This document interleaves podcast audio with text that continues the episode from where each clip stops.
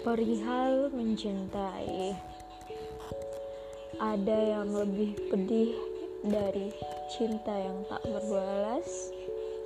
Ada cinta yang diam-diam tanpa pernah berani beranjak dari dadamu.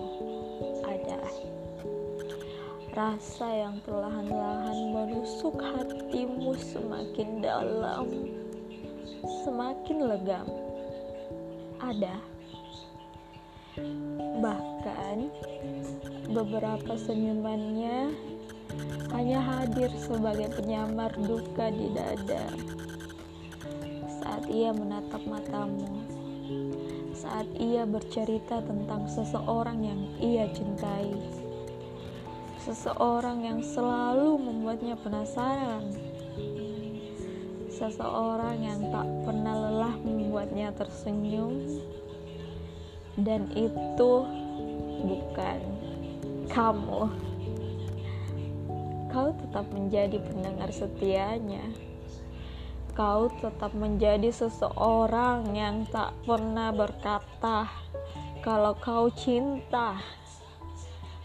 Perlahan tanpa kau sadari lukamu akan semakin dalam.